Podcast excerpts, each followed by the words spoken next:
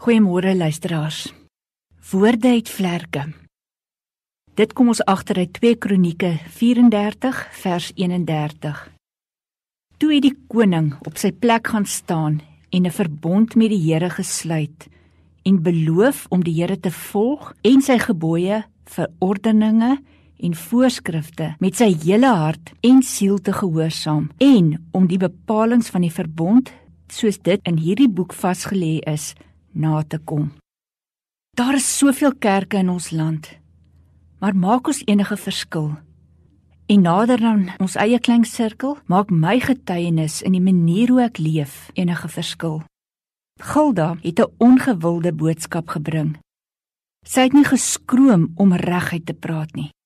Maar sou Josia luister? Ja, hy het na haar geluister. Hy het almal bymekaar geroep en hulle het stil geword rondom die woord.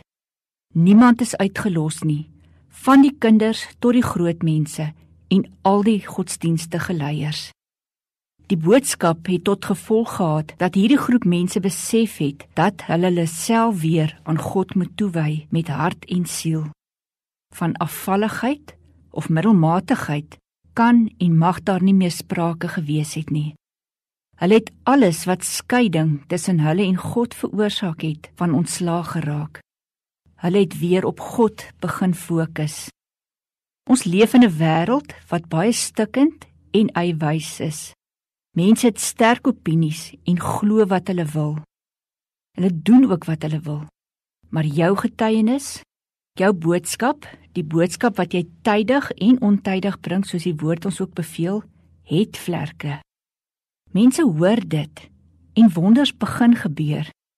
Te midde van hierdie wêreldwyse wêreld begin God deur sy woord en gees in mense se lewens werk. En as dit gebeur, begin sterk opinies krummel en begin mense se prioriteite verander. Stukkende mense kan heel word, verhoudinge word herstel en God word weer met hart en siel gedien. Dan sien ons God se woorde het vlerke. En hoe onthou ons dit? Skryf jou geestelike joernaal. En kyk 'n bietjie ook watter skrifgedeeltes wat iemand al vir jou gegee het of wat jy ook al raak geloop het en raak gelees het, het al 'n groot invloed op jou lewe gehad. En dink 'n bietjie na watter woorde het vlerke op iemand se lewe gehad waarvan jy weet.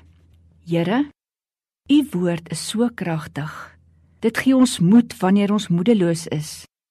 Dit bring ons tot besinning wanneer ons afdwaal. Dit dui die regte koers aan wanneer ons rigting soek.